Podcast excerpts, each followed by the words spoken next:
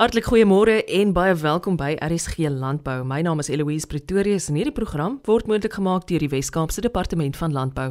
Santa Ferreira is nasionale bemarkingsbestuurder vir NutriFeeds vir Suid-Afrika en Namibië. Dit is goed om te weet dat veevoermaatskappye die behoeftes van boere in alle provinsies in ag neem om sodoende hulle besighede te laat groei. Sy deel ook haar ervaring van die jaar se Nampo Oesdag gehou buite Botawil in die Vrystaat. Louise, dankie man. Ja, jene, ehm um, Nampo het al ons verwagtinge oorskry, hoor. Nie net het die weer ehm um, onverwags saamgestem nie. Daar was 'n positiewe energie in die lug. Ons het koue en reën verwag en dit was bitter aangenaam. Sou jy sê dat Nampo 'n nuwe gevoel het sedert ons mekaar weer in die oë kan kyk, sedert die pandemie ons verhoed het om so te maak? Ek dink tog al so Eloise, uh dit was baie besig by Nampo en die mense het 'n energie en hulle het baie vrae. Ek kan agterkom dat um hulle was hulle was lus vir Nampo. Hulle was regtig lus. Ek het nie die die presiese syfers nie en ek wil nie namens Graan SA praat nie, maar ek het net gehoor van rekordsyfers. So daar was beslis baie meer mense, baie meer mense woon dit by. Baie meer mense vra vra. Ek het baie meer opkomende boere geboere gesien wat spesifiek vir ons spesifieke vrae gevra het. So dit dit dui daarop vir my dat landbou is nie dood nie. Landbou is besig om om te groei in 'n fase in wat ek dink ongeken is. Vanuit 'n uitstallers oogpunt Santa was dit vanjaar vir julle die moeite werd om 'n teenwoordigheid by Nampo te hê. Dis altyd vir ons baie um, baie voordelig. Dis waardevol want ehm um, ons kan nie bepaal wat presies is die opbrengs op ons uitgawe nie, maar die blootstelling wat ons kry op 'n plek soos die oesfees is vir ons van absolute onskatbare waarde. Jy weet die dis die regte kliënt wat hier is. Ons kliënte is 'n boer, dis ons eindverbruiker. En die boere wat hier teenwoordig is, is die boere wat wat regtig omgee vir vir landbou en om op in hulle gesigfront te wees die hele tyd. Dit vir ons belangrik en dis vir ons waardevol. Kom ons praat oor julle produkreeks. Hoe is dit vir boere van waarde op hierdie stadium? Man, ehm um, Eloise, veral nou met die winter voor die deur, het boere 'n baie spesifieke navraag oor ekonomiese oorwintering, want dit is belangrik vir almal. In Suid-Sentraal Suid-Afrika is dit nou strooktyd. Jy weet, en die boere is op soek na 'n byvoeding wat geskik is op oesreste of selfs net op 'n winterweiding vir, vir beide beeste en skape. So van ons kant af van Nutrifeeds beveel ons aan dat boere nou Nutrifeeds se winterbreuke 32 veral op oesreste gebruik want die urium vlak is uiters geskik. En dan dit is ook beskikbaar by die meeste landboumaatskappye handelstakke. En dan per af geleë areas waar die boere nie elke dag kan uitkom nie, gebruik die boere nou uh Nutrifeeds se proteïen tabs of 'n winter 40 en dis alles nou op 'n promosie veral om dit vir die boere makliker te maak. Ek weet ons het nou ook 'n kompetisie aan by NWK wat meestal in die Noordwes is. Ons kyk na ons boere, hoor. Nee, ek wil net vir jou en vir RSG baie dankie sê vir julle bydrae tot landbou en dat julle ons boere ingelig hou oor dit wat vir ons en vir julle belangrik is. En dit is baie lekker om na julle te luister. Die landbouprogram beteken vir ons iets, beteken vir die boere iets. Ons is positief en as enige iemand belangstel om meer te weet van Nutrifeeds of meer te wil weet waarom ons te kry, nutrifeeds.co.za is die antwoord. Santa Ferreira is nasionale bemarkingsbestuurder vir Nutrifeeds vir Suid-Afrika en Namibië. John Fore is voorsitter van die Wes-Kaapse Pluimvee Klub. Dit is ons jaarlikse klubskou en die die 15de sal ons die beoordeling doen van al die honde en ganse en kalkoene en dan die 16de en 17de is dit ook oop vir die publiek. Wie is die mense wat ons daar gaan ontmoet? Al die teelers van van hoenders en eende of swemvoëls, kalkoene in die in die Weskaap. Van oral in die Weskaap, ons is lede in in Port Elizabeth, ons het in George, oral sê ons lede en dan kom ons almal bymekaar en ons hou die hou die skou. Um Die jare vir die eerste keer is ons by Villersdorp, landbougronde. Voorheen was dit altyd by klein plaasie by Woeste. Wat is die belangrikheid van hierdie geleentheid? Dit is Die doel van die skou en die in die bedryf van die die die hobby wat ons het is om eg hoenders die rasse te veilig en en te behou dat hulle nie uitgeroei word nie. So elke ras het 'n standaard en en jy moet hom die ras teel na dit toe en dan jaarliks kom ons almal bymekaar en skou teen mekaar uh, en die, om te sien uh, hoe hoe goed die hoender teen daai ras se standaard is en teen die kompetisie. Sê my John, is voelgriep besig om julle hoofpynne te gee? Dit dit is 'n bekommerheid. Um ons het 'n paar jaar terug uh, 'n uh, skou gekanselleer um vir die rede vir vir voelgriep. So dit dit is 'n ding wat wat elke jaar begin nou die kop uitsteek en dit is 'n bekommernis. Op 'n veel ligter noot, ek is seker 'n mens hoef nie self in die bedryf te wees om ook hierdie geleentheid te kom bywoon nie. Ja, dit is ook vir die publiek. Ehm um, en daar's baie interessante hoenders en en pleinvee om om te beskou. Ehm um, en iemand wat nou besoek wil begin met iets en die teeles is daar dan kan hulle gesels en en hoenders koop en en inligting kry oor die oor die verskillende rasse. Ek dink dis 'n baie goeie idee om hierdie geleentheid by te woon. Sou jy beplan om ook 'n toetreder te wees? John, herinner my asseblief waar en wanneer vind dit plaas? Dit dit is ook vir die publiek op die 16de en die 17de Junie. Uh en dit is by Villiers op landbouskougronde. En as ek enigiets meer hieromtrent wil uitvind, waar kry ek jou in die hande? Kan vir my skakel op 082 776 3427. Vir, vir iemand wat wat nog nie 'n skou gesien het, iets om te beskou. Daar's soveel rasse om om te sien en dat dat dit moeite werd is om om te kom sien as jy enigsins belangstel in 'n hoender of 'n of 'n gans of 'n eend. John Fore is voorsitter van die Wes-Kaapse Pluimvee Klub. Dr Pieter Carrick is ekoloog verbonde aan die plantbeskermingseenheid van die Universiteit van Kaapstad ook medeskrywer van die boek Ekologiese Restaurasie in Namakwaland. Ek het hom uitgevra oor waarom die restaurasie van Namakwaland en die Rigtersveld nodig is, veral vir skaap en bokboere in die omgewing. O, dis 'n goeie vraag. OK, so mynbou het in Namakwaland in die 19de eeu begin met koper. Een van die eerste plekke waar daar mynbou was en eintlik was dit een eerste van die eerste plekke waar daar 'n treinspoor was om die koper by Port Nolloth uit te bring. Toe die koper begin uitgemyn word, vind hulle diamante. So vir die laaste sê maar 100 jaar is daar um diamante in Namakwaland gemyn en mense het nie het nie in daai dae verstand gehad van die ekologie in en hulle impak op die omgewing. Daar's groot areas wat degradeer is deur mynbou. En dan is daar ook areas wat nou met die mense sê ou lande, so met die hawe en die koring en die balie wat mense geplant het. Oor die jare het hulle opgegee op sulke plekke om om daai boerdery te doen.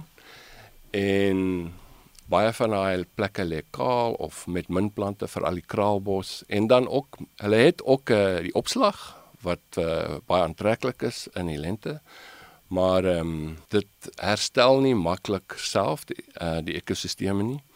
En so ja, daar's 'n aanvraag vir metodes om die veld weer te restoreer laat dit weer produktief kan wees vir vee but also so that it can improve the ecosystem functioning en ons die meerjarige plante kan weer terugbring en dis belangrik want dit gee vir die vir 'n skaap of ander diere dan gee dit vir hulle 'n voedingsstof in die in die droë somermaande wat nie met uh, opslag gebeur nie. As die reën daar is, dan is daar plante wat wat die vee kan vreet, maar in die somer is daar maar niks as jy dit in 'n so 'n opslag ekosisteem verander. Mm, as jy naam Karoo is, dan moet jy ook nou nie juis verwag om baie reën te sien nie. Ja, en nou maar klaar, dit is so erg nie want the rainfall's more reliable dan in die binneland van die Karoo, maar ja, daar's goeie jare en slegte jare. Hierdie werk wat jy doen is uiteraard ongelooflik belangrik vir boere in die omgewing ook. Ja, en ja, dit gaan oor die in die ou lande om hulle te restoreer en uh daar's ook plekke wat overgrazed is. So met die metodes hopelik kan mense 'n bietjie van die diversiteit weer terugbring en the productive value people can improve the productive value of their veld. Uh maar dit vat tyd en dit vat beplanning So meeste van ons metodes gaan oor ehm um, saad versamel en saad saad gebruik. So dit's iets wat jy in die langtermyn kan doen.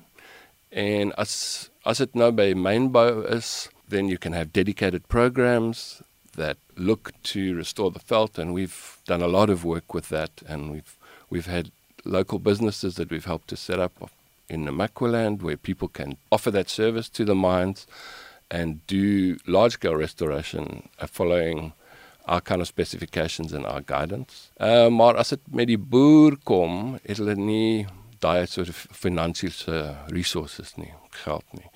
Maar dan kan mense net elke jaar bietjie saad versamel en ons het hierdie konsep opgerig, 'n restaurasiepak. So volgens daai konsep kan hulle die saad nou weer in hierdie degradeerde plekke inbring en net so stuk stuk weer die veld restoreer. As jy sê jy is doenig met navorsing en werk om die veld te restoreer en jy vertel my van die NRI, is daar suksesstories wat jy my, met my kan deel in die verband? Ja, so ons het gekonsentreer op die mynbou. My idees bietjie ferment en soos ons in Engels sê ruminate. So I developed them in maybe 2001 to 2003 and then we started trying to talk to the the mining operators. And at that stage people were saying the land can't be restored. It's too dry. Um, but we we had quite a bit of understanding of the ecology of the landscape. There's also been a lot of ecological research that had taken place in the previous decade. So for me, the challenge was, as an ecologist, to use what we knew of the ecology to try and adapt that to systems that we could use for restoration. We kind of had a hunch. We kind of knew that the real issue wasn't the rainfall, but we did a,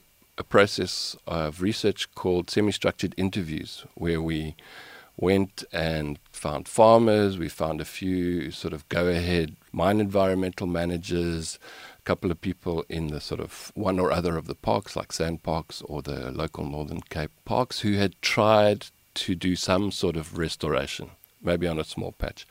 And when interviewed and allowed to tell the story unprompted, those people who had experience in restoration mentioned the wind twice as much as water in any sort or rainfall. So the real impediment or obstacle to restoration or plant establishment in the Macqualand is, is not the rainfall, it's, it's the wind. So if you have large open patches of land, the soil is just too unstable for plants to establish. So the first thing to do with any sort of restoration is to make sure the soil surface is stabilized. So that particularly applies in a mining scenario where you have you know, large areas of totally bare sand, where you have a farming environment that is only partially degraded, where you still have kraalbossies and a couple of other uh, shrubs, sometimes the soil surface is stable enough that you don't need to do anything else. In hierdie boek praat jy onder andere ook oor die geskiedenis van Namakwaland.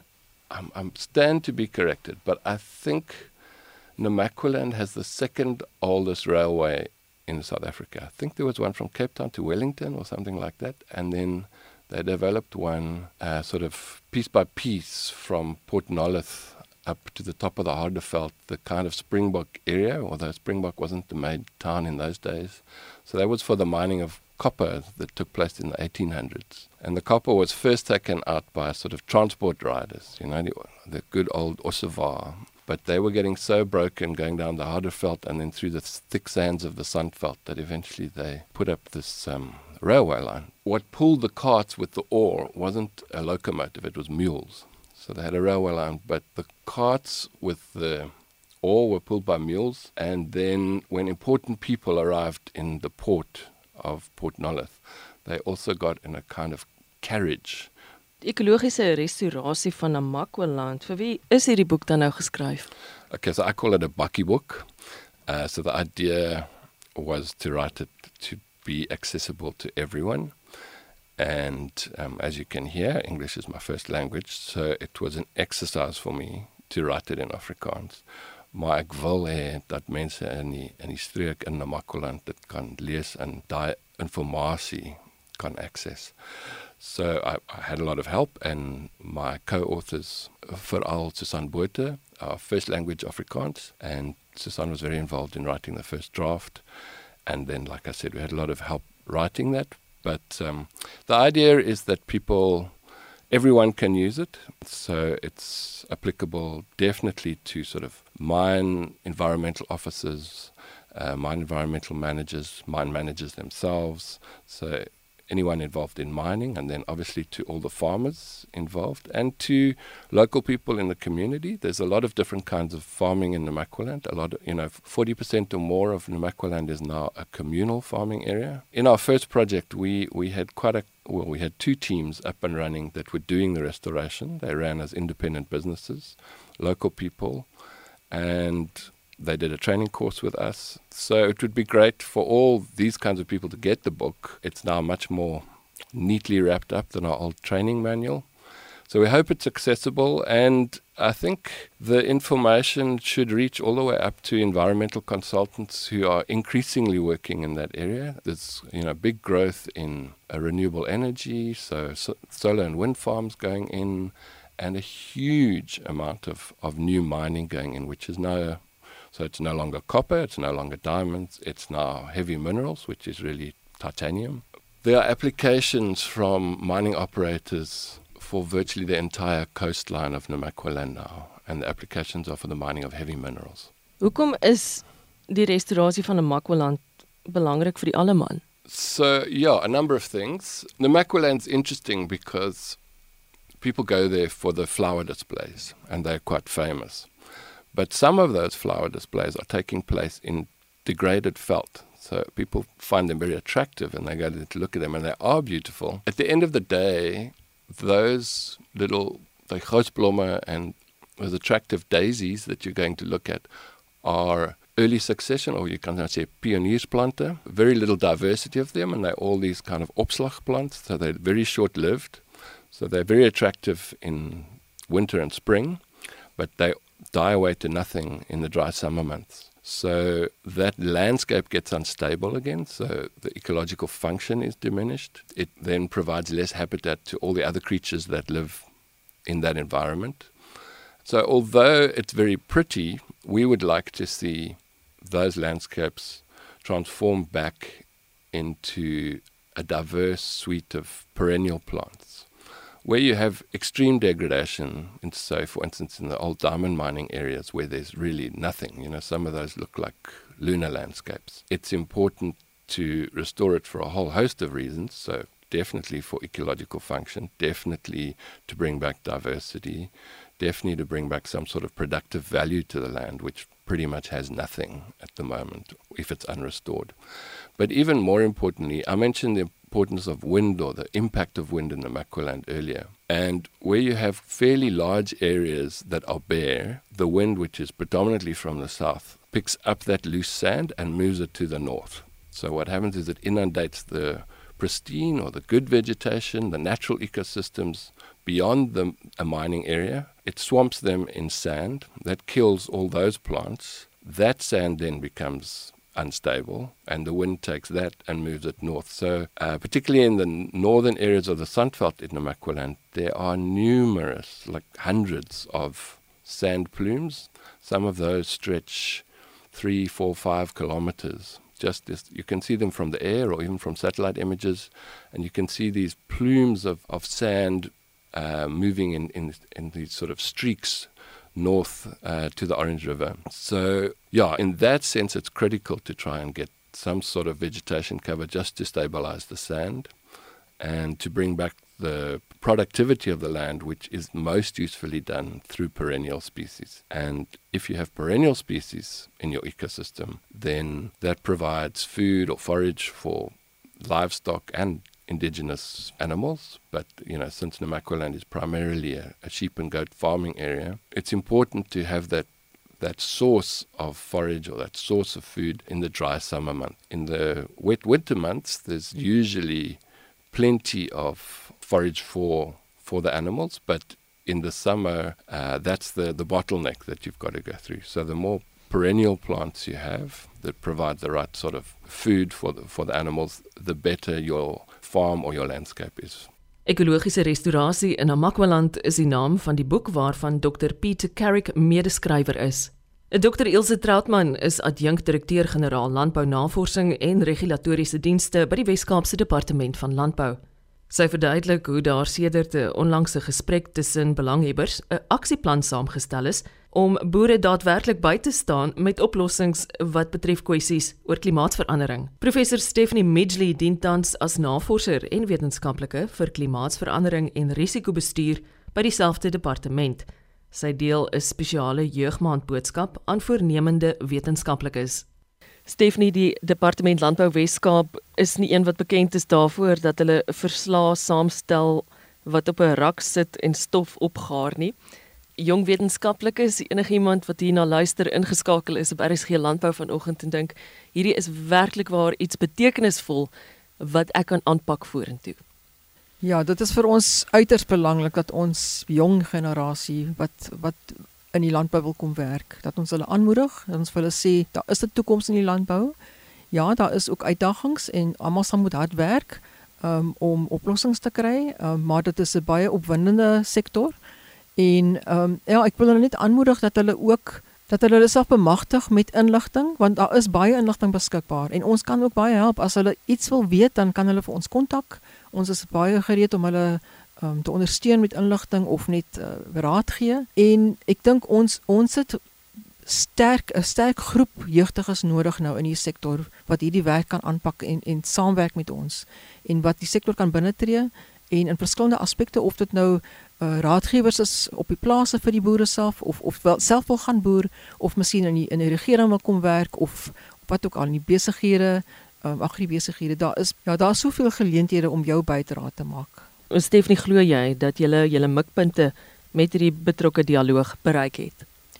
Ons het ons mikpunte vir die dialoog bereik definitief. Ehm um, dit was uiters waardevol, maar die groot uitdaging nou is nie dat dit nou ergens op in 'n in 'n les sit, maar dat ons dit um, aktiveer, dat ons voortgaan um, met taakspanne, dat ons met boere gaan gesels, met ander rolspelers, dat ons seker maak dat ons hierdie uitdagings oor hierdie uh, aksies wat ons nou gehoor het van hulle wat benodig word dat ons dit uitrol en en prakties maak vir die bedryf. Ilse, die woord aksieplan is gewis een van my gunsteling woorde in Afrikaans. Eloise, ek het nog 'n woord wat werklik saam met aksieplan gaan en dis nuuskierigheid. Mhm. Mm ons het groot geraak dat 'n mens nie nuuskierig moet wees nie, is eintlik 'n negatiewe eienskap. Maar ek wil graag ehm um, voor ek by die aksieplan uitkom dan net by um Stephanie aansluit om te sê die jong mense, ons soek nuuskierige jong mense. Uh jong mense wat nuuskierig is vir landbou en nuuskierig is om in landbou ook te kom sniffel want dis waar die geleenthede van die toekoms lê.